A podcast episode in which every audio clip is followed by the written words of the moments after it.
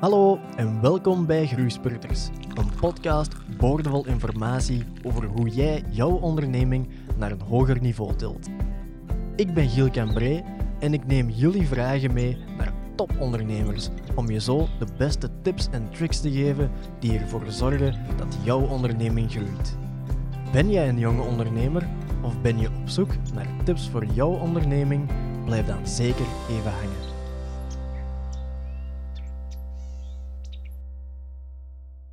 Welkom bij onze tweede quarantaine-aflevering van Groeispurters. Uh, vandaag heb ik uh, een jonge gast bij mij. En die jonge gast is niemand minder dan Nick. Dag Nick. Dag Giel, alles in orde, Makker? Ja, ja, ja, natuurlijk. Zeg, uh, niet te veel last van, van corona, niet te veel last van het feit dat je moet binnenblijven en dat we niks kunnen gaan doen. Oh. Ja, ik denk als we allemaal een beetje in, in, hetzelfde schuitje zitten, dan heeft het geen zin om, om daarover te klagen natuurlijk. Hè. Dus, nee, uh, natuurlijk ja, natuurlijk zou ik liever af en toe wat meer naar, naar uh, buiten kunnen gaan om, om leuke dingen te doen, maar uh, hier en daar maak ik eens een mooie wandeling. En ja, we moeten het even allemaal, denk ik, gewoon uitzitten. Hè. Ja, ja, inderdaad, inderdaad. Zeg Nick, ik heb uh, op de podcast al een, een, hoop serieuze jonge gasten gehad. Serieuze goede ondernemers. Uh, een beetje gelijk jij.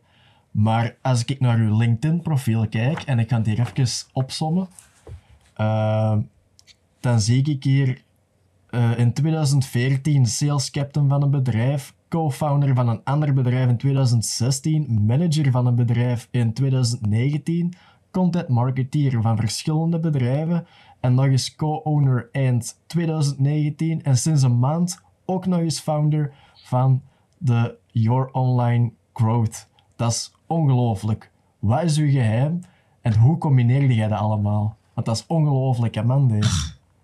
Ja, kijk, als je het zo allemaal opnoemt, dan, uh, dan lijkt het altijd heel wat. Hè. Um, een aantal van die dingen van bijvoorbeeld Sales Captain, hè, dat, is, uh, dat is niet mijn eigen bedrijf, met, even uh, ik heb een paar dingen inderdaad gedaan. Ik heb ook nog grappig gezien, grappig genoeg zijn er ook nog een aantal dingen die zelfs uh, er niet bij opstaan en mensen niet weten. Ik, ik ben altijd extreem veel bezig geweest met dingen. Ik kon nooit echt stilstaan en dat is een beetje een, een blessing en een curse tegelijkertijd, zal ik maar zo zeggen. Um, ik moet wel eerlijk toegeven, het is niet altijd even succesvol, altijd allemaal geweest. En ik ben nu wel ik prijs mezelf nu wel heel gelukkig dat ik gewoon ben blijven doorgaan met altijd allemaal nieuwe ideeën te proberen en te doen. En op een bepaald moment moet je wel een keer ergens natuurlijk uh, een beetje succesvol in, in, in worden als je alles op die manier zoveel aan het proberen bent. En voor mij is het eigenlijk pas de laatste aantal maanden, klein jaar of zo, dat het allemaal echt een beetje goed aan het lukken is. Daarvoor waren het altijd wel leuke projectjes en ja, hier en daar heb ik eens een keer um, er, er tof van kunnen verdienen. Um, maar als je het zo opnoemt, dan lijkt het soms meer dan dat het allemaal is. Um, maar sowieso, ik ben altijd heel veel met veel dingen bezig geweest. En uh, het enige wat ik kan zeggen is doen, doen, doen. Proberen, proberen. en op een bepaald moment, je moet echt gewoon een beetje een mentale grens over. Maar daar zal ik misschien later nog wel op, op, op inpikken. Waarbij dat je zo gezegd van, oké, boeien wat mensen ervan van vinden, man. Ik ga gewoon, ik vind dit leuk, ik ga dit gewoon proberen. En uh, als het niks wordt, dan wordt het niks. En je moet je, je, eigen ego en je eigen zo zeggen van, oké, dit is de kwaliteit van mij als mens, moet je losleren halen van je projecten dat je onderneemt. Alle mensen die, die, die 30, 40 zijn en die ergens echt ergens heel uh, benoemswaardig zijn geraakt, die hebben dergelijke projectjes gehad, die hebben gefaald, die hebben, die hebben dingen geprobeerd dat ze misschien niet helemaal hebben doorgezet. En dat hoort erbij. Um, dus als je tegen mij zegt van ja, hoe, hoe, hoe doe je dat allemaal, al die dingen? Kijk, gewoon één is gewoon echt zeggen van ja, fuck it. Uh, boeien als het, als het hier niet uh, helemaal wordt wat, dat het, wat, uh, wat ik hoop dat het zal worden. En het tweede is gewoon echt, en dat hangt een beetje daarmee samen, is om het echt gewoon te proberen en gewoon te doen, man. En, en kijken van oké, dit is het is het wat ik had gehoopt? Misschien vind je het helemaal niet leuk. Het hoeft niet altijd te zijn dat het niet lukt. Misschien vind je het gewoon niet leuk genoeg om te blijven doen, wat ook enorm belangrijk is. En dan stopt het ook. Dus um, sowieso, ik denk dat een van de dingen is waardoor dat het bij mij al zoveel is en terwijl ik nog jong ben, is omdat ik uh, al er wel heel vroeg mee ben begonnen. Uh, het is bij mij wel al sinds mijn 18 jaar dat ik al wel echt serieus dingen aan het doen ben. Uh, serieus dingen aan het doen ben. Het klinkt alsof het, ik weet niet wat is, maar bedoel, alsof ik er echt al wel, in mijn 18 jaar, de meeste mensen zijn dan echt nog alleen aan het zuipen en alleen aan het lachen en alleen aan het gamen. En ik heb die tijd veel vroeger gehad. Ik heb dan echt, op mijn 15 jaar ben ik echt, uh, ik echt al gaan, gaan, gaan feesten en, gaan doen. En toen op een bepaald moment, ik was daar iets eerder in, denk ik, dan de meesten, waarvan ik dacht van, oké, deze is het niet. Um, terwijl voor heel veel mensen was het dan juist net nieuw en net allemaal cool. En ik zal niet zeggen dat ik niet eh, op mijn 18 jaar ook niet heb, heb liggen feesten en dingen. Maar ik was dan wel in een, in een fase waarbij ik zeg van oké, geen twee dagen naar elkaar of zo. Dat hoeft van mij niet. Uh, ik stond dan meestal de volgende dag wel te werken. Het zijn catering jobs heb ik gedaan, die sales uh, job daar, daar heb ik enorm veel van geleerd. Um, horeca, noem maar op, zelfs, zelfs um, op een bepaald moment hovenier letterlijk echt van alles gedaan. Um, maar bij mij was het altijd puur van ik wil gewoon met mijn jobjes wil ik quick cash verdienen. Wil ik gewoon snel handje kon, ah, wil ik gewoon meteen iets in mijn hand hebben.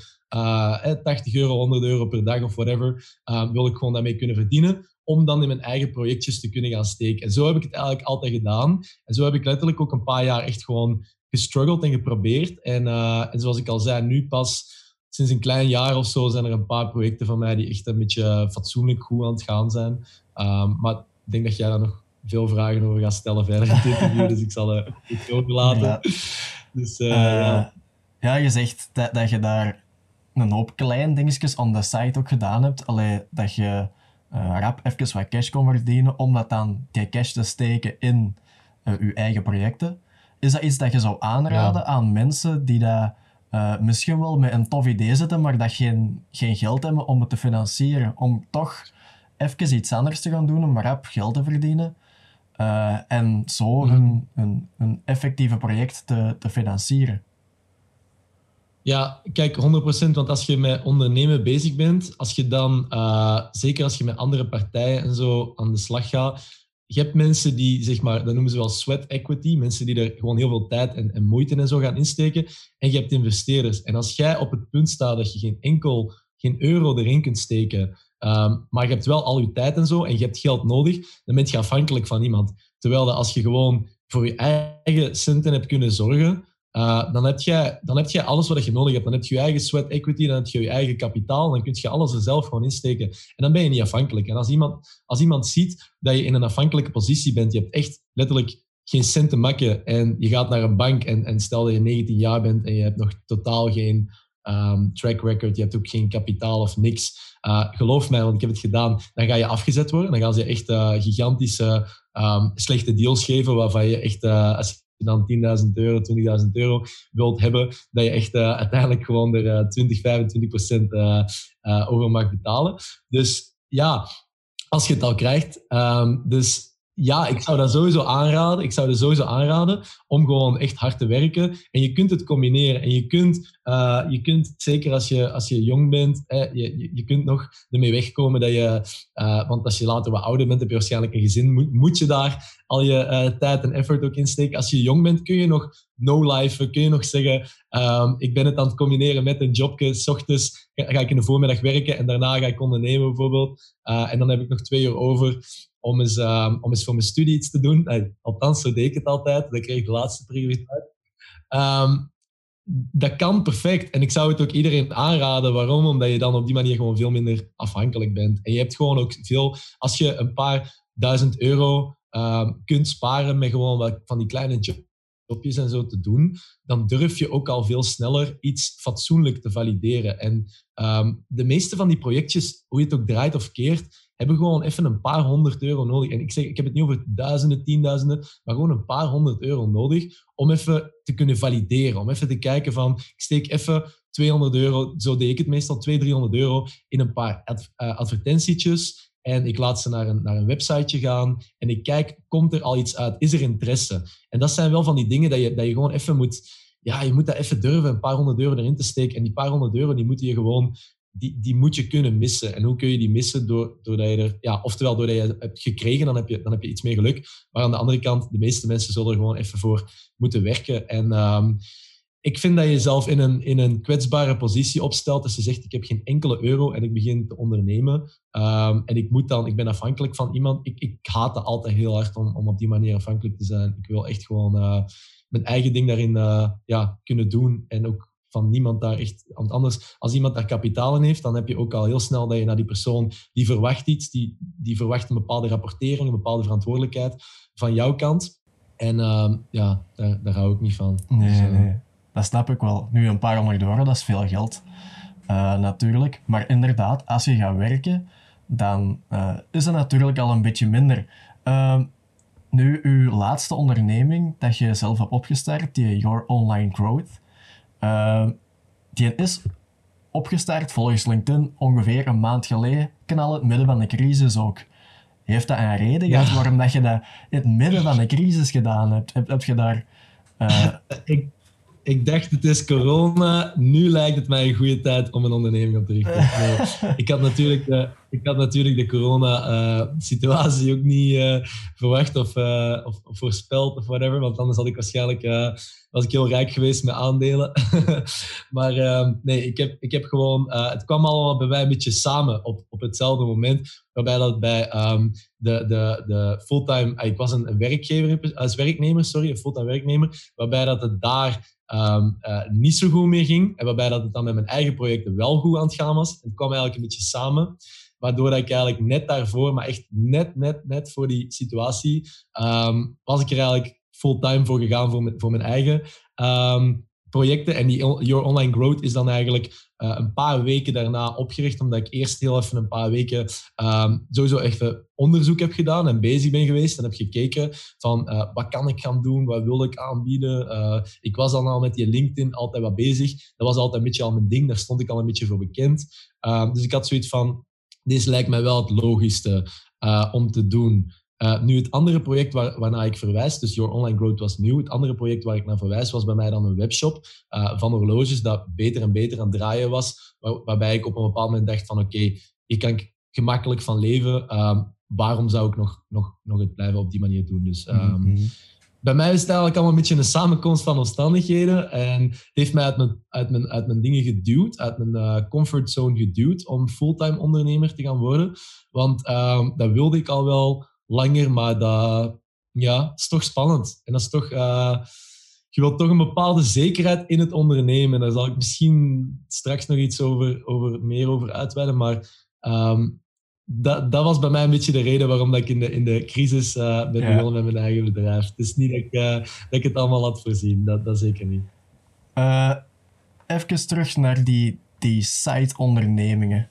Waarom bent jij een hoofd van die site-ondernemingen blijven opzetten achter elkaar? Is dat omdat je dat leuk vindt om, om zaken op te starten en dan weg te gaan?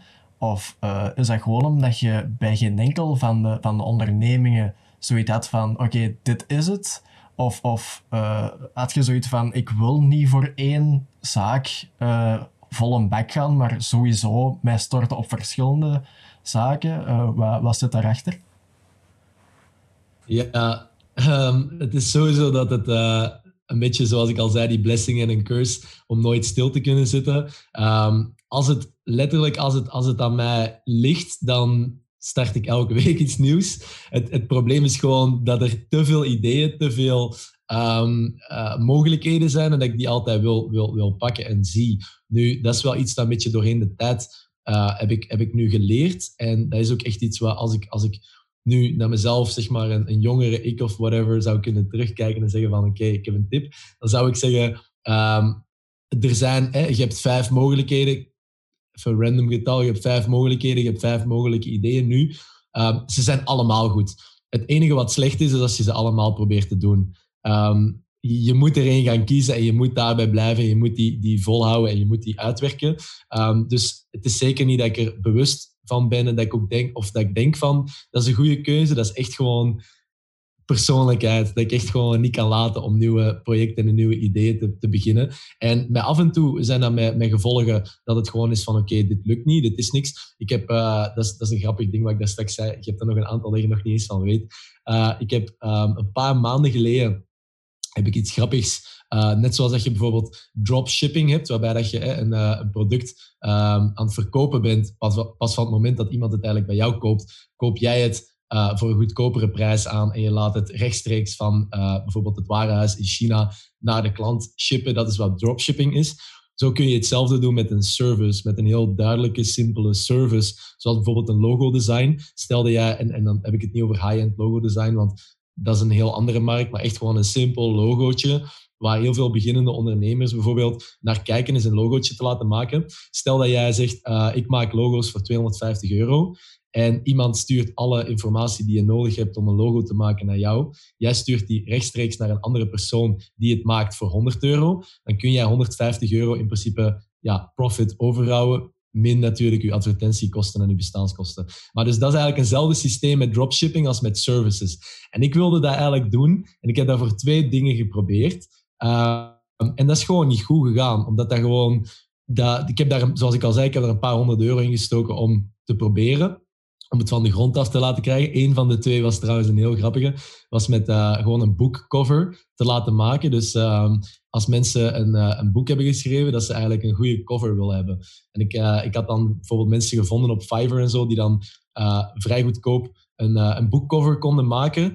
Maar ja, er is een reden waarom dat allemaal zo goedkoop is en waarom dat het zo gaat omdat het gewoon heel moeilijk is om daar de juiste mensen in te vinden. Dus ik heb dat dan even geprobeerd. En dat is bijvoorbeeld iets waar ik van zeg van ja, dat is gewoon niet echt een goed idee geweest. Maar ik heb het wel geprobeerd. En dat is nu achteraf wel allemaal leuk om te kunnen oplijsten van ah, ik heb dat geprobeerd, ik heb dat gedaan, ik heb dat geprobeerd. Maar je weet nog dat ik die tijd dat ik dat zelfs heb geprobeerd. Dat is grappig om, om achteraf ook uh, zo te bekijken. En sommige dingen zijn, zoals ik al zei, zijn gewoon niet gelukt. Sommige dingen zijn ook gestopt omdat ik voornamelijk dan, dat is meestal bij mij het probleem, omdat ik iets anders zie dat ik liever wil gaan doen. Dat mij, dat mij beter lijkt, dat, mij leuker lijkt, dat mij meer potentie. En dan laat ik al snel het ene uh, liggen voor het andere. En gelukkig doe ik dat niet met mijn vriendin. Uh, daar is ze heel blij om. Maar met het ondernemen uh, doe ik dat, doe ik dat, heb ik wel snel die neiging om dat te doen. Dus dat is echt voor mij wel actief. Moet ik eraan werken? Moet ik mezelf zeggen, nee, dit is nu hetgene wat je doet en blijf hierbij en werk het uit, want het is aan het lukken, je bent het goed aan het doen. Um, je moet er gewoon bij blijven.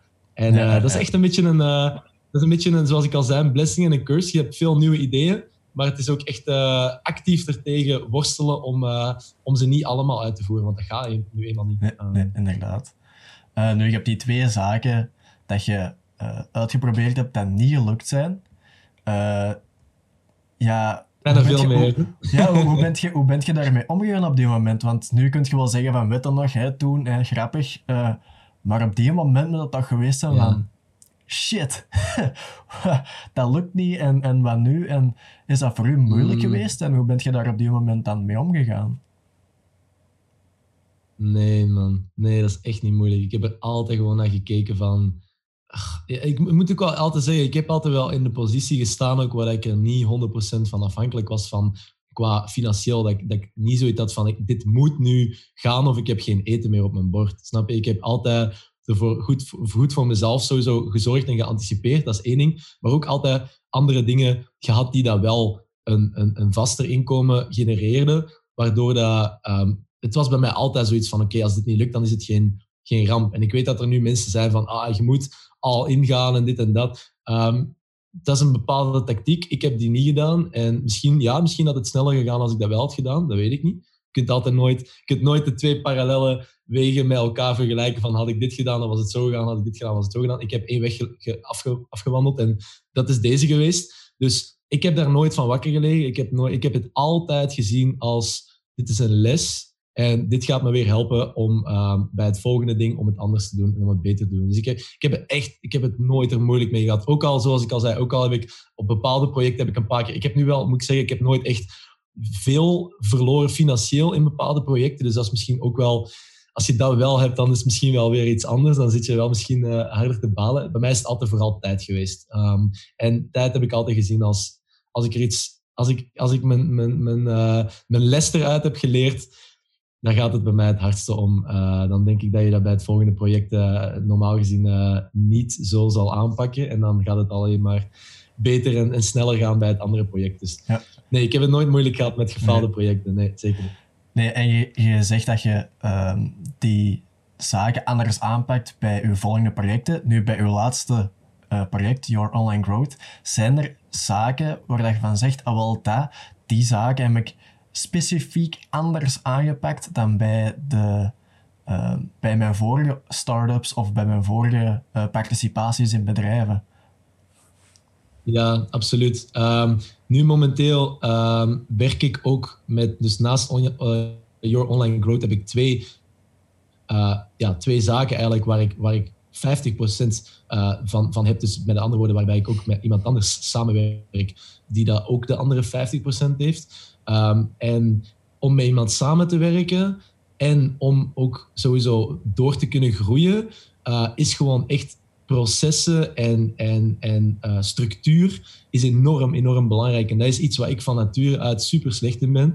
Heel slecht in ben om, om uh, heel gestructureerd, om alles te loggen, om alles bij te houden, om, om, dingen echt te gaan standaardiseren en, en dingen te gaan centraliseren op één plaats. Heel duidelijk. Ik, heb vaak, ik ben gast, vaak heb ik drie uh, e-mailadressen die dan door elkaar lopen. En dan, en dan in een drive map bijvoorbeeld heb ik één drive map op het ene account en op het andere account. En dan binnen, die, binnen dat ene account heb ik dan soms nog eens twee mappen die dezelfde naam hebben. En dat zijn allemaal dingen die ik vooral echt in mijn, in mijn vorige projecten echt... Op het begin niet, maar op een bepaald moment begint dat heel, heel, heel veel tijd te kosten. Begint dat heel veel, en begin je daar ook fouten door te maken.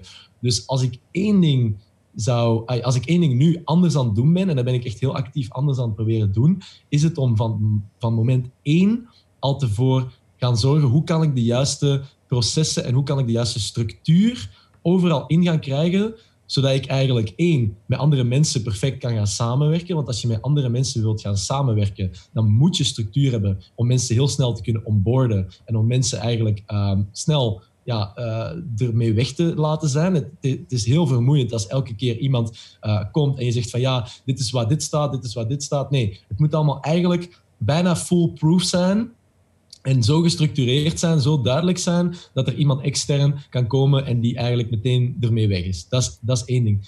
En de tweede reden waarom dat je dat wilt doen, is omdat je, en dat heb ik nu met Your Online Growth bijvoorbeeld, dat je uh, jezelf wilt uh, op gaan zetten om, om te kunnen schalen, om te kunnen groeien om, om op een bepaald moment in plaats van drie klanten, om er potentieel tien of, of, of misschien zelfs 15 te kunnen hebben. Hoeft dan niet op jezelf te zijn, maar om er 15 te kunnen hebben.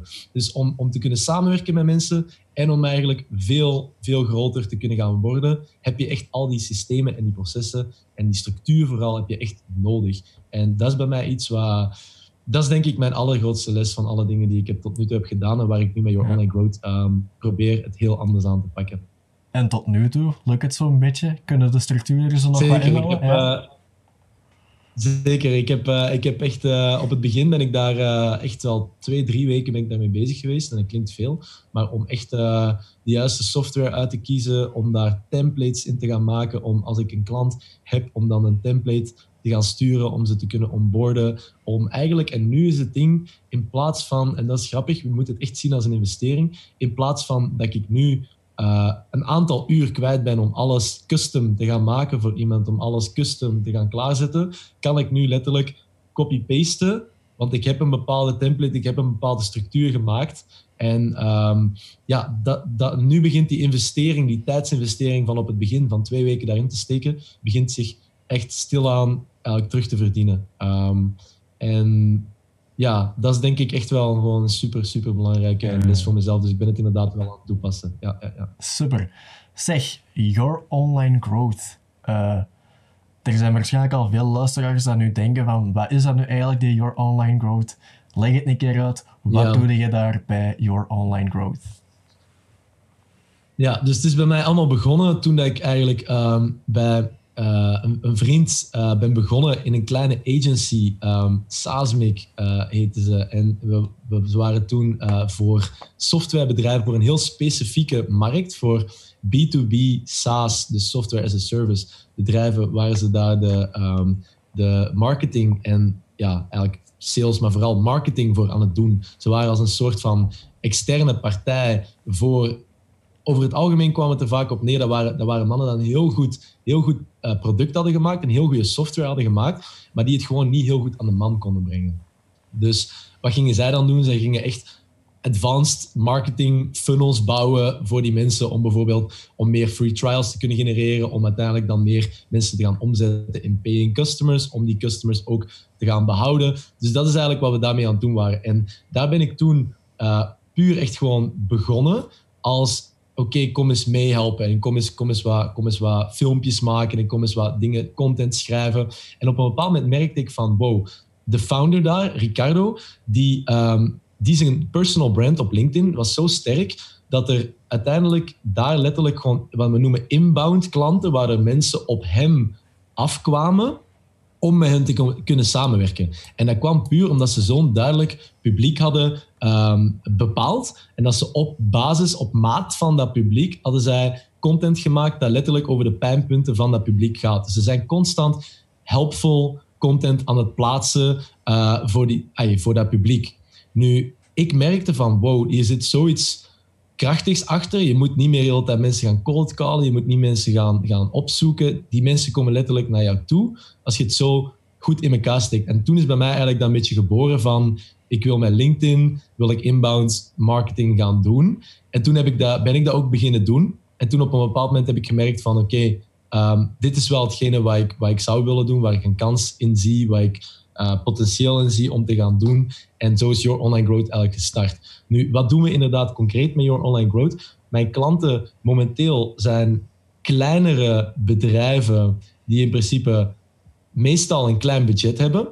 Uh, en waarom is, is het op die manier zo interessant om het voor hun te doen? Omdat je via LinkedIn op die manier kun je, kun je organisch heel veel mensen gaan bereiken. Je moet niet adverteren. Uh, je, je kunt letterlijk gaan filteren op mensen die je wil mee gaan connecteren. En je kunt dan op basis van die mensen, kun je ook in de nieuwsfeed kun jij naar boven komen uh, met filmpjes, met posts die je maakt. Waardoor je letterlijk nu, ik heb een paar case studies, ik moet ze nog in elkaar steken trouwens, um, waarbij je letterlijk gewoon je, je bedrijf daarop kunt gaan bouwen. Waarbij je echt gewoon je eerste aantal klanten, of als je al meer established bent, je klanten uit heel die funnel kunt gaan krijgen, dat mensen gewoon echt naar jou toe komen. En dat is eigenlijk hetgene wat we gaan doen met, met, um, met LinkedIn, met Your Online Growth. Dus ik ga echt voor mensen hun profiel opschonen en, en klaarzetten, zeg maar. Uh, dan gaan we content helemaal maken. Uh, meestal is dat in samenspraak uh, met mensen. Ik heb nu bijvoorbeeld een, uh, een man, dat is een, een, data scientist. Dat is voor mij heel lastig om die content te maken. Dus wij hebben elke week hebben wij een call waarbij dat we eigenlijk um, ja, een, soort interview hebben, waarbij dat hij mij de concepten uitlegt en dat hem zegt van oké, hoe zou je dit nu in gemakkelijke mensentaal, um, zodat ik mensen kan gaan bereiken en dat mensen mij begrijpen, hoe kun je dit gaan omzetten? Dus um, het is een combinatie van consultants, van een, bijvoorbeeld een klein subsidiebureau, dat zijn eigenlijk de, de, typische mensen die bij mij momenteel terechtkomen. Waarom? Omdat ze eigenlijk op die manier een, een, via één sleutelfiguur in de onderneming gaan zij een personal brand rond die sleutelfiguur bouwen, waardoor dat zij eigenlijk een aanspreek, dat sleutelfiguur wordt een aanspreekpunt voor het bedrijf, uh, op LinkedIn tenminste, en wordt een soort ja, thought leader, wordt een soort uh, in een bepaalde niche-markt, wordt dat de persoon van, ah, voor dat probleem moet je naar, dat, moet je naar hem gaan. Bijvoorbeeld die klant van mij met, um, met data scientist, dat is dan van, ja, oké, als je een data scientist zoekt in regio Antwerpen, bijvoorbeeld, moet je naar hem toe gaan. Hè? Dus dat zijn, uh, hij komt nu niet uit regio Antwerpen, maar dat zijn, dat zijn bijvoorbeeld dingen dat we daarmee proberen te bereiken. Dus wat we concreet gaan doen, we gaan de profielen opschonen, we gaan content maken en we gaan met de juiste mensen gaan connecteren um, automatisch dan met hele lijsten van mensen. En dat kan echt op basis van als jij zegt, ik heb een, ik heb een agency en ik probeer uh, mensen te bereiken die founders zijn binnen de software en, en, en binnen zo'n grote bedrijven van 50 tot, tot 100 of whatever, kun je daar in principe een lijst mee gaan maken met mensen die jouw ideale prospect zijn. En om dan te combineren van inbound en outbound, is eigenlijk een heel krachtige uh, tool die we gaan toepassen. En uh, dat is vooral wat we momenteel met Your Online Growth uh, aan het doen zijn. Alright, dat is een hele boterham. Ja, nu is er kunnen samenvatten, maar geef wat context. Is er, uh, is er een reden waarom dat je voor LinkedIn kiest? Waarom dat LinkedIn nu zo belangrijk is voor de bedrijfswereld? Ja, sowieso. Kijk, um, als je gaat kijken, um, je, kunt, je kunt verschillende platformen natuurlijk, en ik zeg niet dat de ene beter is dan de andere. Het ligt er heel erg aan wie je wil bereiken. Dus één is natuurlijk je doelpubliek. En je hebt het nu inderdaad, je zei net, hè, voor, voor zaken. Ehm, LinkedIn is in principe wel sowieso waar heel veel serieuze mensen op zitten. Hè, hoe je het ook draait of keert. Elke directeur, elke manager, uh, of, of ook gewoon andere mensen zoals jij en ik, zitten op LinkedIn. Uh, en LinkedIn is momenteel gewoon een platform dat als je het juist gebruikt, waar je organisch gewoon gigantisch op kunt groeien. En je kunt bijvoorbeeld hetzelfde zeggen over bijvoorbeeld een, TikTok nu. Dat is bijvoorbeeld een platform waar je ook organisch gigantisch op kunt groeien. Maar daar zit dan weer het doelpubliek niet. Um, dus voor mij was LinkedIn een heel duidelijke bet. Sowieso omdat ik had natuurlijk al ervaren dat het werkte bij, bij, bij die agency. Um, en ik had ook gewoon zoiets van, dit is, dit is logisch. Hier zit doelpubliek en dit laat zich toe om organisch te gaan groeien, om zonder zware budgetten te gaan groeien. Want bijvoorbeeld, ik heb ook op Facebook geprobeerd of op Instagram geprobeerd om, om bepaalde uh, uh, mensen te gaan helpen om een bedrijfspagina te gaan groeien en dergelijke. Man, dat is zonder, uh, organisch, zonder een, zonder een advertentiestrategie erachter daar moet je echt geduld voor hebben. daar moet je echt heel veel geduld voor hebben. Zelfs in een heel een niche-markt waar ik een, een eh, Instagram-pagina bijvoorbeeld in heb laten groeien, gaat nog altijd maar echt over een paar honderd mensen per maand als je echt hard je best doet. En met LinkedIn ja, is dat een ander verhaal. Dus vandaar is het voor mij LinkedIn een heel duidelijke keuze. En je zegt, als je echt hard je best doet, en hoe, hoe zit dat dan in de? Hoe, kunnen we hard ons best doen om zo gezegd te groeien? op zo'n sociale platform? Sowieso heb je natuurlijk een paar dingen die je kunt doen. Je kunt actief met mensen, en, en dat is ook mijn LinkedIn social selling strategie een beetje. Dat, bestaat uit een paar pillars. Um, Eén daarvan is sowieso om, om deel uit te maken van de community. Dus om op de, op de homepage, heet het dan in, uh, op LinkedIn, op, bij de meeste platformen trouwens zit de homepage, om daar te gaan uh, engagen met mensen en om effectief niet alleen maar gewoon great post thanks for your value. Maar om gewoon echt wel iets, iets bij, te, bij te dragen. Dus dat is één ding. Um, dus om echt deel uit te maken van de community. En een andere, wat, wat mijn allerbelangrijkste strategie is, is om consistent um, waardevolle content te gaan plaatsen op maat gemaakt van je doelpubliek. En dat is eigenlijk um, dat is voor mij de, belangrijkste strategie die ik doe. Ik combineer het dan, zoals ik al zei, met het connecteren van de juiste mensen, proberen te connecteren van het doelpubliek. En ook dan ten derde om ook te gaan deel uitmaken van die community, om, ik, om echt uh, in de homepage ook te gaan engagen met mensen. Uh, maar voor mij is de belangrijkste strategie is om zelf uh, te gaan posten en om, om content te maken en om content te plaatsen. Um, dus ja, om je best te doen, sowieso gewoon consistent te blijven. Dat is één ding. Niet één week wel, één week niet. Consistent te blijven. En het tweede is om uh, wat je dan post, om niet alleen maar self-promoting stuff of uh, heel, lazy. Uh, bijvoorbeeld, ik heb een interessant artikel gelezen, laat ik het eens gewoon delen. Nee, ik heb het dan echt over unieke content waar je echt gewoon twee uur in hebt gestopt om fatsoenlijk te maken. En ik snap dat niet iedereen altijd twee uur heeft om ergens in te stoppen. Maar um, af en toe zal er zeker wel een, een, een contentstuk tussen moeten zitten waar je echt je tijd in hebt gestopt. En waar je echt zegt van oké, dit is nu echt waardevol voor iemand. Ik geef eens echt alles mee wat ik ken. Um, en het grappige is, als je, als je, hoeft niet alles, alles, maar ik bedoel, als je 90% geeft van wat je kent, van wat je, wat, je allemaal uh, hebt geleerd zelf en wat je ook toepast bij klanten, als je dat gratis in je content kunt uh, geven, dan gaan mensen zeggen, ah, super interessant, doe het maar. Um, en op die manier kun je gewoon, krijg je klanten die naar jou toe komen, want je gaat vertrouwen winnen door, doordat je zegt van oké, okay, ik hou niet alles stiekem voor mezelf en ik, ik, zeg, ik zeg niet bij alles meteen, ah, uh, als ik dit even, deze vraag moet beantwoorden, 100 euro. Nee, um, je geeft in principe zoveel mogelijk op die manier weg, waardoor dat je um, je vertrouwen wint en dat je ook kunt laten zien dat je het kent. Dus ja. yes misschien ook een beetje autoriteit opbouwen op die manier. Om even te laten zien van, kijk, ik weet effectief waar ik mee bezig ben. Uh, en hier is het bewijs, gratis en voor niks. Maar is, is, is het gevaar dan niet dat de mensen het zelf gaan proberen? Of, of is dat iets dat veel minder voorkomt? Ja, kijk, um, sommige mensen zijn van de, van de idee dat je echt dat je niks mag vrijgeven. Sommige mensen zijn van de idee dat je alles mag vrijgeven. Ik zit er ergens een beetje tussenin. Er zijn een paar dingen die je soms misschien voor jezelf beter houdt, omdat het echt uh, omdat je daar, als je daar echt een unieke, een unieke insight in hebt, die, die voor jou op dat moment, voor jou of je klanten echt heel hard aan het werken zijn, ja, misschien heeft, haal je er dan meer uit om, om het zelf op jezelf toe te passen en om dat even voor jezelf te houden. Maar sooner or later, ik weet niet hoe, slim dat jij of, of uw kijkers misschien uh, zijn. Misschien zijn het echt Einsteins, maar ik zelf uh, zie mezelf niet op die manier. Ik denk dan van als ik iets heb gevonden, gaat het ook wel gevonden worden door andere mensen. En daarom denk ik dat je het beter deelt en dat je dan er meer uit haalt, dat je inderdaad, zoals je zegt, die autoriteit opbouwt, dan dat je probeert van, ah, ik hou alles voor mezelf. Ik zou ergens eh, zeggen, ik zit er ergens tussen. De meeste dingen share ik wel. Heel af en toe heb ik eens van die insights waarbij ik denk van, ah, dit ga ik wel even uniek voor mijn klanten houden.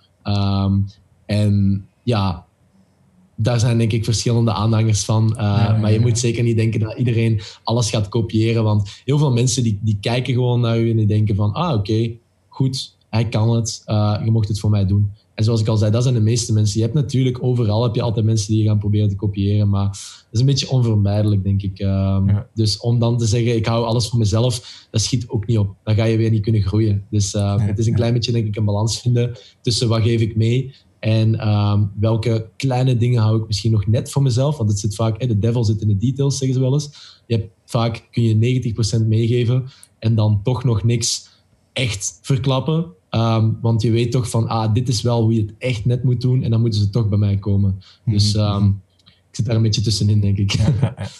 nu, jij werkt met uh, Your Online Growth, met content uh, marketing, laten we het zeggen.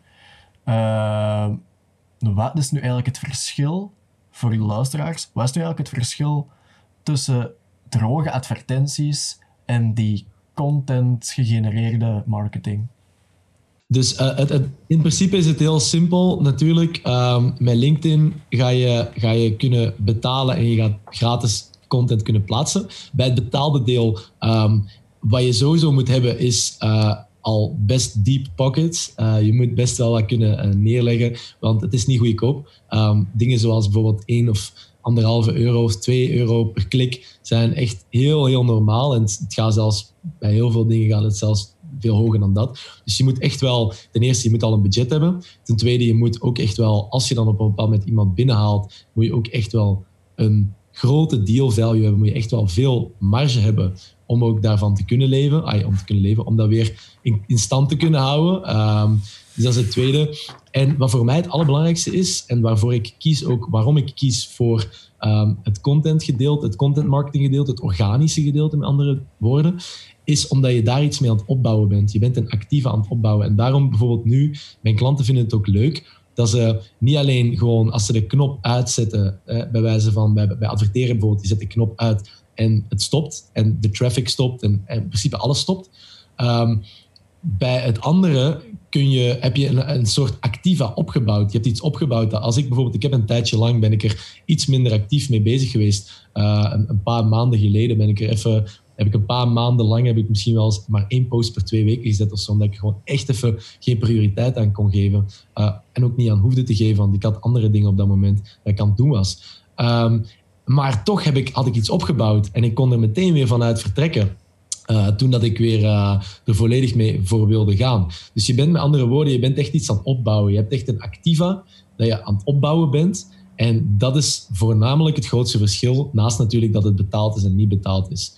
Um, met, content, met content marketing kun je ook wat meer geduld hebben. Hoeft ook niet alles tot een transactie te leiden, omdat het je ook niks kost. Dus je mhm. kunt ook mensen zeggen, gewoon, ik, ik ben gewoon puur awareness, ik ben gewoon puur nu gewoon awareness aan het bouwen. Terwijl als je puur awareness campagnes gaat runnen op LinkedIn, dat wordt echt wel duur. Um, daarom dat mensen voornamelijk op LinkedIn dan conversiegedreven advertenties willen gaan doen. Maar daar kun je dan weer niet iets mee opbouwen. Dus ik zie, ik zie het heel simpel gewoon in van kijk, als je niet super deep pockets hebt, als je niet super grote uh, deal values hebt of, of grote marges hebt, sowieso is de enige optie eigenlijk is om dan uh, content marketing uh, op te pakken, organisch. Ja, ja, maar daar gaat waarschijnlijk wel een hoop tijd in om zo een, een Activa op te bouwen.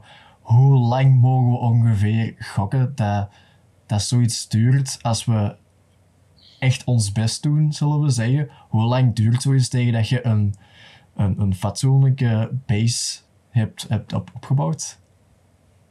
Ja, ik denk inderdaad dat je zelf ook wel zult weten. Uh, zoals je al zegt, dat dat, dat, dat tijd kost. Je bent zelf uh, in principe ook een, uh, een contentstrategie aan het toepassen en aan, aan, het groeien van je brand. Ehm, in, in het geval van LinkedIn, omdat ik er al wat langer mee bezig ben, omdat ik al wat, heel wat dingen heb getest en weet wat werkt en wat niet werkt, kan ik het al wel wat sneller laten um, vooruitgaan.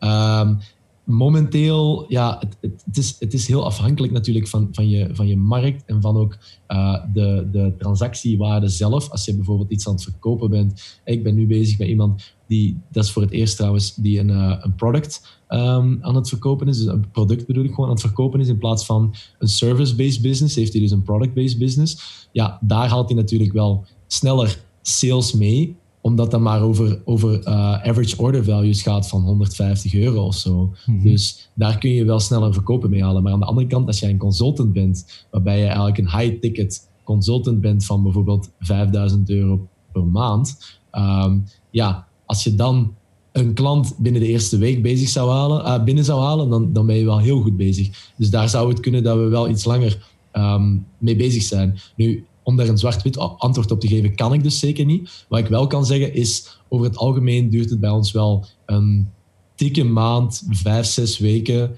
uh, vooraleer dat wij echt zeggen van oké, nu staat alles echt on point. Maar het ligt er wel heel hard aan waar iemand al staat. Ik heb het nu dan eerder over een, um, over een nieuw uh, profiel of een profiel wat voorheen echt nog amper is gebruikt. Bijvoorbeeld een, pro een profiel van 300 connecties uh, en, en hier en daar is twee likes op een post. En ja, dat is nog een profiel dat heel nieuw is, of zelfs een profiel echt van nul.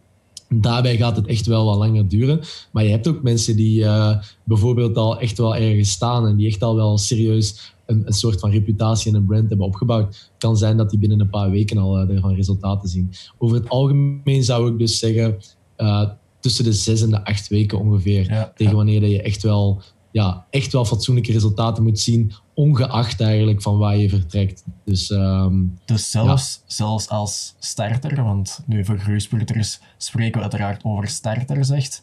Zelfs als starters uh, zou het maar, als je er veel tijd in steekt, uh, maximum een acht weken, misschien twee maanden moeten duren tegen dat je echt uh, de, de vruchten plukt van je LinkedIn content marketing.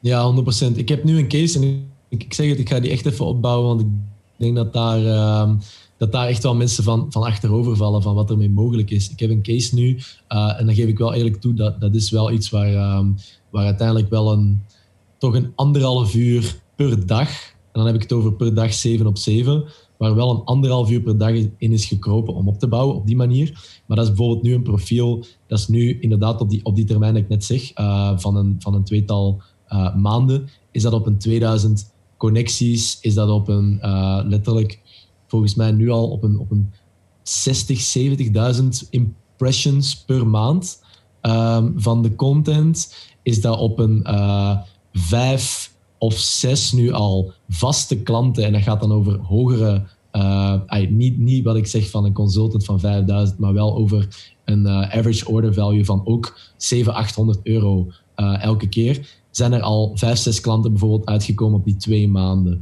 Dus uh, het, het profiel is echt van nul opgebouwd, van nul, nul, nul, echt gestart. En dat is bijvoorbeeld echt iets waarbij je kunt zeggen van dat is een starter. Nu, nogmaals, dat, was een, dat is in een markt die uh, niche is. En de, heel de value prop en alles is super duidelijk. En het is gewoon echt helemaal als een, als een ja, de, het profiel is een landingspagina bijna voor, uh, zoals dat je een website, zoals je een advertentie hebt, een, een landingspagina die, tot een, die heel veel duidelijkheid geeft. Wat doen we, voor wie werken we? En dan een call to action geeft naar de website. Um, het zit allemaal wel heel goed in elkaar. En zoals ik al zei, ik heb er wel echt um, anderhalf uur, een, een, dik uur per dag zeker mee bezig geweest. Um, maar het heeft wel geloond. En uh, op die manier kun je wel echt op twee maanden inderdaad echt gewoon letterlijk iets van nul uit de grond stampen en echt je eerste klanten ermee krijgen. Uh, het enige is gewoon dat je natuurlijk, uh, als je het, ja, ik kan het nu toepassen omdat ik er al daarvoor al maanden mee heb liggen struggelen en mee heb liggen ja, proberen en te kijken wat werkt, wat werkt niet. En nu heb ik dit allemaal toegepast, meteen in hetgene, zeg maar, uh, alles, alles proberen zo juist mogelijk te doen en, en er veel tijd in gestoken. En dan kan het echt wel, ja, echt wel voor sikke resultaten bieden, ja. zorgen. Dus uh, ja, Eh, voor starters, ik denk dat dit letterlijk het beste platform is wat je kunt doen voor starters. Ehm, om, om, omdat ik zei van starters hebben vaak vallen onder die uh, niet heel veel uh, budget te hebben. En waar ga je anders groeien? Ga je, ja, iedereen zegt bijvoorbeeld aan Instagram, maar man, echt succes om organisch op Instagram te groeien deze dagen. Je moet echt zo'n sterke content hebben dat dat is gewoon niet realistisch. Want die content om zo te maken, dat, die, die, dan moet je weer gewoon superveel ervaring hebben en heel veel tijd hebben om dat erin te stoppen. Om die zo goed te maken dat je op Instagram en op Facebook organisch gaat groeien, dat is bijna niet mogelijk. Dus ik zou zeggen LinkedIn, um, sowieso de beste bet voor starters om een uh, personal brand te hebben om, uh, om dat te kickstarten. Um, ja. Goed, um, even heel specifiek. Ik heb uh, drie, twee of drie dagen geleden zelf een video online gezet, een tutorial gemaakt. En uh, die heb ik op YouTube gezet. En dat was eigenlijk op aanvraag van uh, de mensen die gekeken hebben naar mijn vorige podcast. Dus dat gaat eigenlijk gewoon helemaal over van begin tot einde. Hoe maak ik een podcast op afstand tijdens de crisis? En uh, ik ben er zeker van dat er heel veel mensen zijn, zeker nu, dat daar heel veel waarde uit kunnen halen. En ik heb dat dan ook proberen zoveel mogelijk te delen. Dus op mijn, op mijn Facebook, op mijn Instagram, op mijn LinkedIn, op mijn profiel van mijn LinkedIn, mijn pagina's, overal wat er kon. En toch heb ik maar misschien 50 views, ik weet het niet.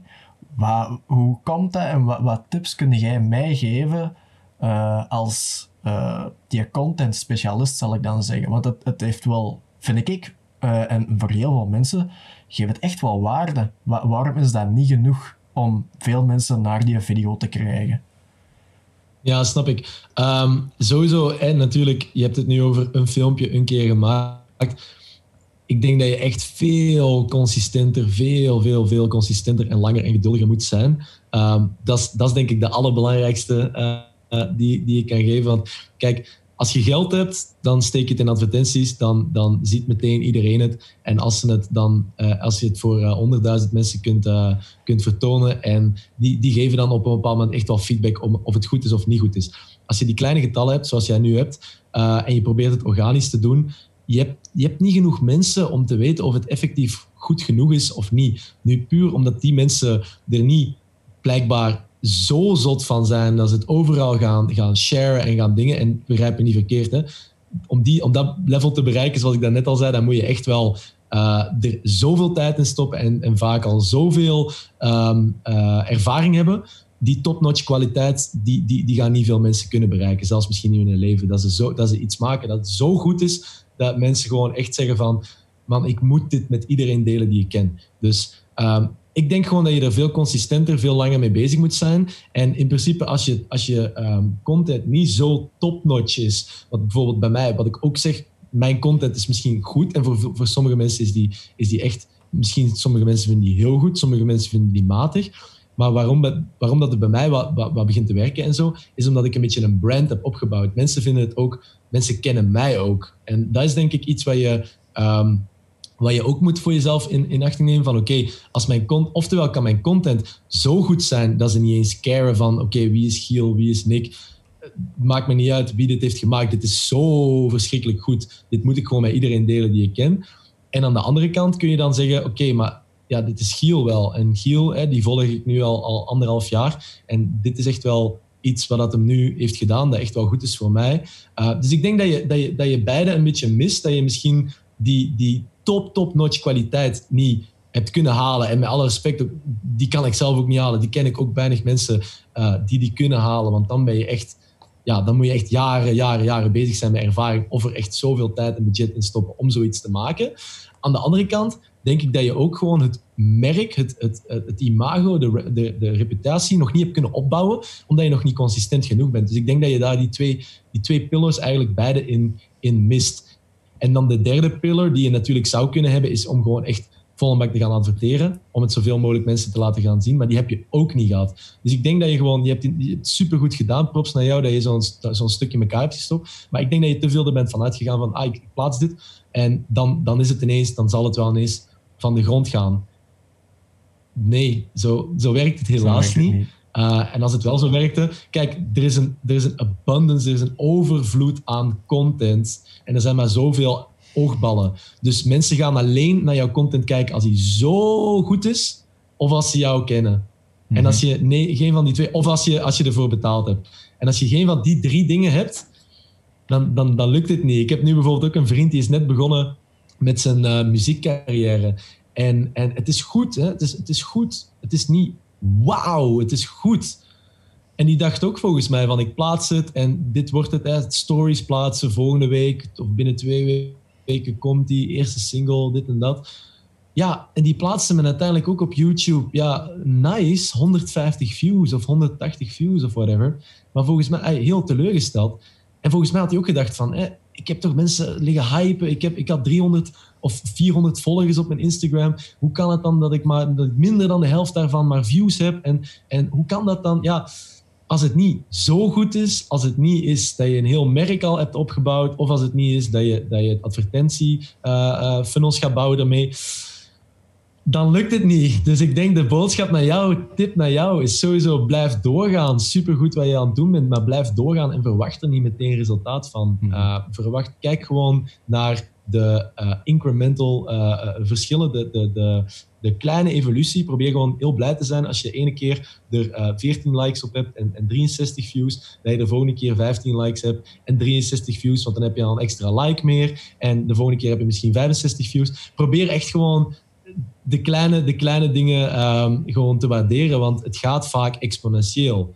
En dat is het ding wat mensen vergeten. Op het begin gaat het maar 10 views, zoals ik zeg naar boven. Je volgende filmpje gaat misschien een keer zelfs tegenvallen en minder zijn. Net, het gaat met golven. En dat is echt wat je in achting moet nemen, man. Je moet consistent blijven doorgaan. Dat is, dat is momenteel, als je geen geld hebt en als je geen um, jaren ervaring hebt, is dat het enige wat je kunt doen. Alright, goed. Bedankt voor de tip. Uh, even terug uh, naar LinkedIn. Er is zo een, een pop-up dat ik altijd krijg van probeer premium één jaar gratis, uh, één maand gratis. Uh, wat is nu eigenlijk het verschil en is dat de moeite waard om, om LinkedIn Premium aan te maken?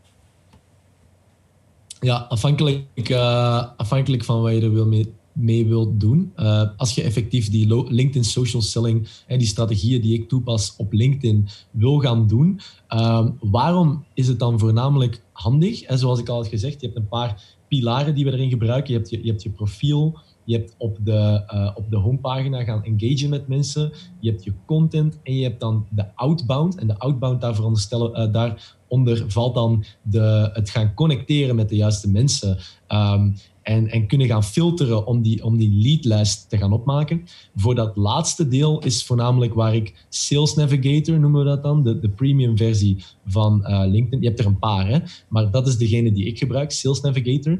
Uh, dat, is, dat is waarvoor ik het voornamelijk gebruik, om eigenlijk die outbound kant te gaan doen. Het gaat je toelaten om één, veel, veel beter te gaan filteren. Dus je kunt echt veel betere leadlijsten gaan maken, kwalitatievere leadlijsten. Dus in plaats dat je um, maar op een, een paar variabelen kunt gaan filteren, kun je er eigenlijk op veel meer gaan filteren. En de resultaten zijn ook veel beter. En je kunt dan nog eens door gaan filteren op actievere mensen, op minder actieve mensen. Dus je kunt heel veel meer gaan doen met je Sales Navigator. Um, maar dit is alleen maar interessant als je echt die outbound kant heel actief wil gaan meepakken. Met andere woorden, als je echt wil gaan zeggen van ik ga actief op mensen afstappen, ik ga eigenlijk bijna sales doen op LinkedIn, want ik combineer sowieso een, een, ik maak een combinatie van sales en van marketing. En daarom werkt het op die manier ook goed.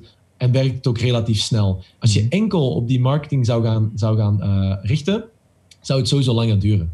Maar doordat je effectief mensen dingen laat zien en ze kennen jou al, en dan ga je ze aanspreken van hey, bla bla bla, dit is wat ik doe, of, of wat doe jij, waar kan ik je mee helpen? En dan zeggen ze van hey, ik had je al paar keer voorbij zien komen in mijn newsfeed. Supercoole content.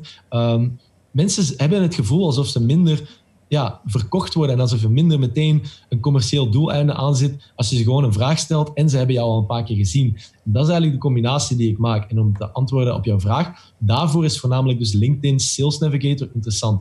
Als mensen zeggen, ik maak gewoon puur ehm, enkel die content en voor mij is dat genoeg en ik ga niet allemaal actief met mensen sturen en dergelijke, ja, dan hoef je dat zeker niet te doen, maar verwacht dan ook dat het wel wat langer kan duren. Doordat wij dat op die manier aan het doen zijn, kunnen we één, veel beter gaan filteren en veel betere leadlijsten gaan maken. En twee, we kunnen ook met meer mensen gaan connecteren op een dag dan dat we anders zouden kunnen doen. Het is 25 ten opzichte van, met Sales Navigator zijn het 100 mensen. Dus voor een paar van mijn klanten ben ik letterlijk 100 mensen per dag mee aan het connecteren. Met andere woorden, 3000 mensen per dag. Nu, hoe, uh, het hangt ervan af hoe, um, hoe established, hoe, gematuur, uh, hoe, hoe matuur jouw profiel is en hoe goed jouw profiel is. Uh, dat hangt af hoe groot jouw acceptance rate is. Dus dat mensen dat effectief, waar je iets naar stuurt, ook gaan connecteren.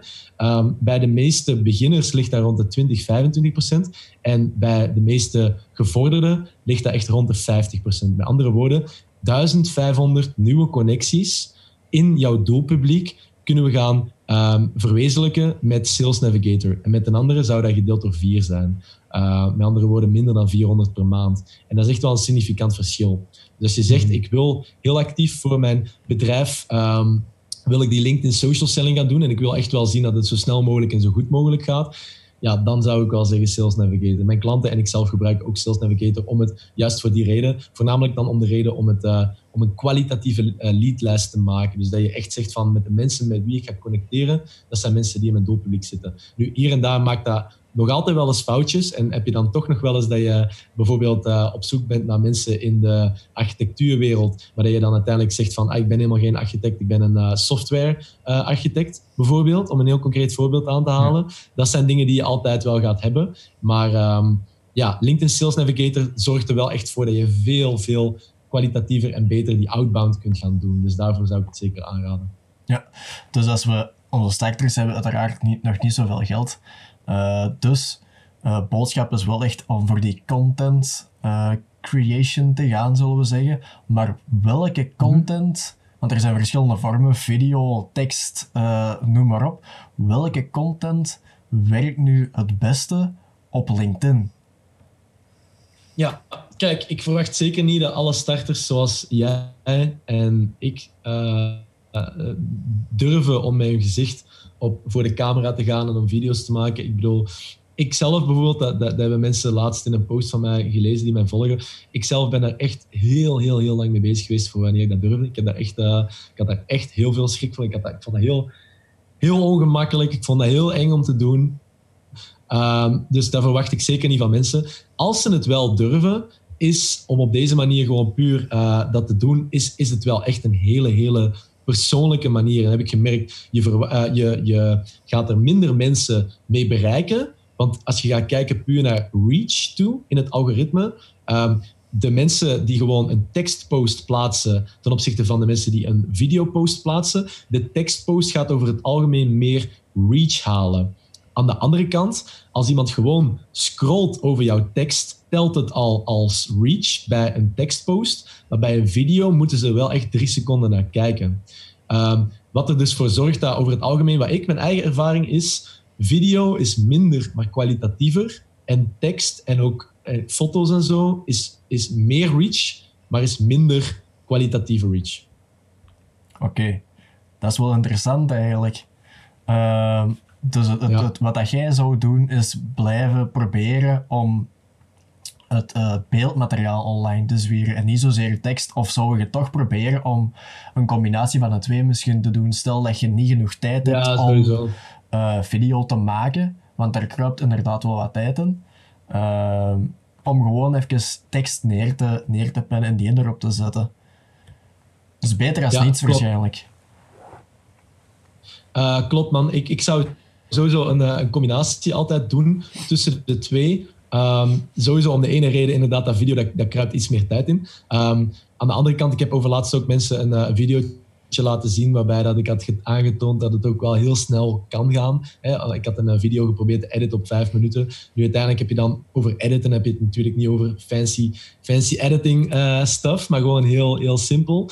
Um, het is sowieso best om een combinatie te doen, want sowieso al niet iedereen gaat er open voor zijn om video te doen. Um, je moet het eens voor jezelf proberen. Misschien eens een keer een video te maken waar je zelf niet op staat, maar puur gewoon je scherm en gewoon tips en tricks aan het delen. Uh, één ding. En ook gewoon in het algemeen, mensen houden van afwisseling. Mensen houden er niet van om altijd dezelfde standaard dingen. Ik heb, ik heb wel eens van die, van die mensen gevolgd die dan letterlijk altijd exact dezelfde format gebruiken. Uh, gewoon puur een, een, een, ehm, een, tekstslider bijvoorbeeld, zo'n eh, PDF-slider bedoel ik, een documentje.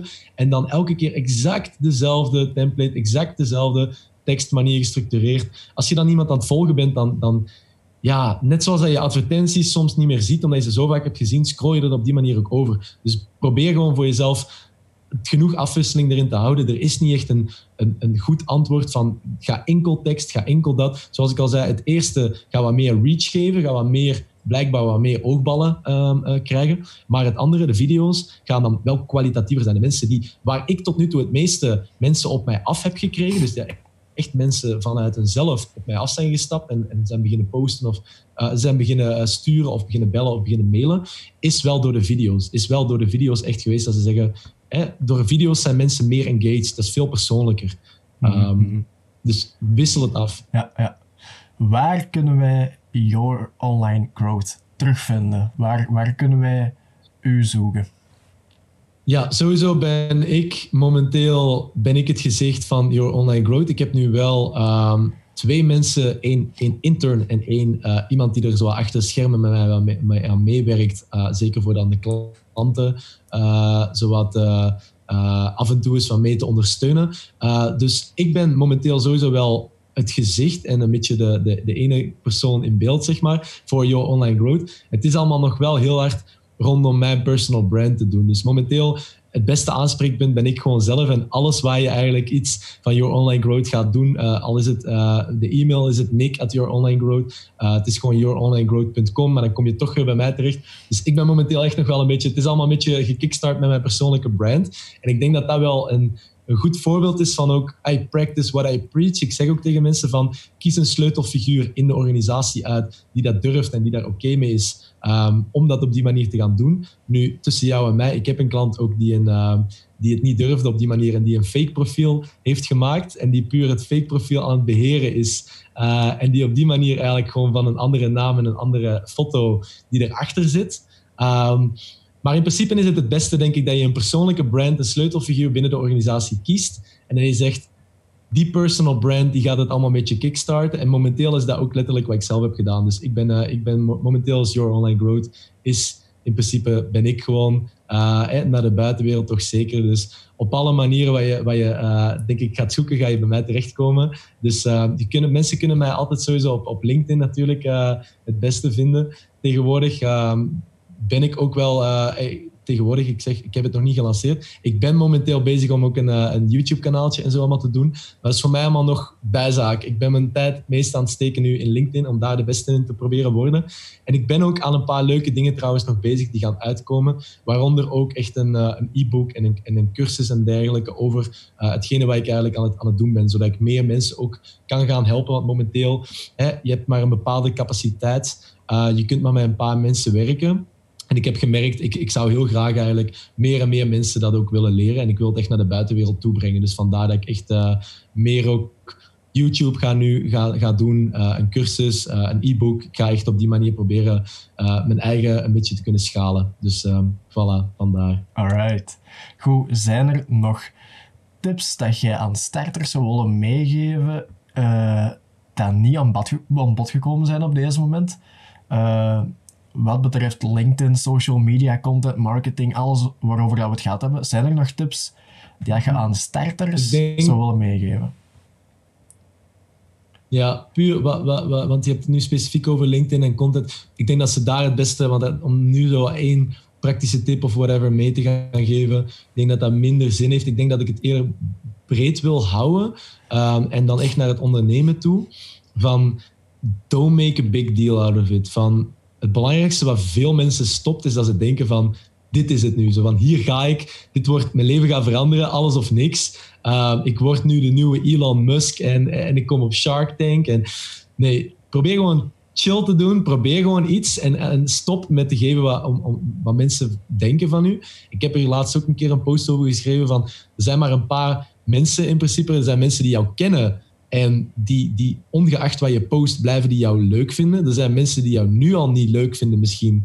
En ongeacht wat je post, blijven die jou niet leuk vinden. En er zijn mensen die jou niet kennen. En daar zou je in principe zeker niet om moeten, om moeten caren. Dus Mhm. blijf er gewoon bij van...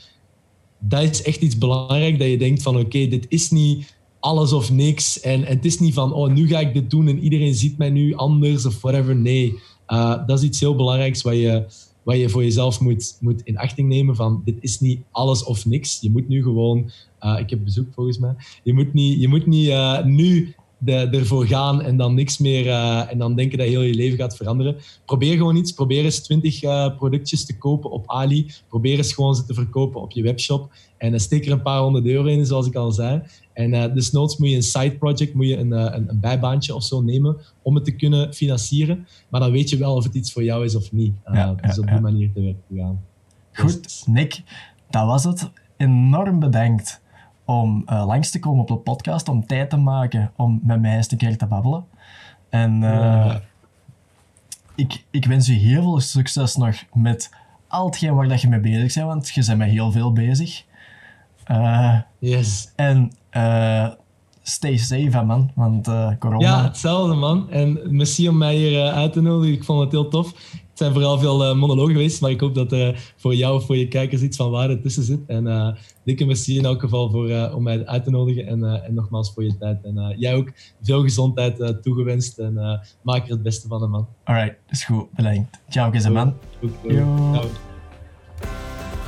Heb je nog vragen of opmerkingen? Zet ze dan even in de comments. Als je een vraag hebt voor een topondernemer, kan je deze altijd vrij blijven stellen via ikhebenvraag.groeispurters.be of via onze site www.groeispurters.be. Ik neem al jullie vragen dan mee naar mijn volgende interview. Vond je de aflevering leuk of interessant? Vergeet dan zeker niet te liken en subscriben.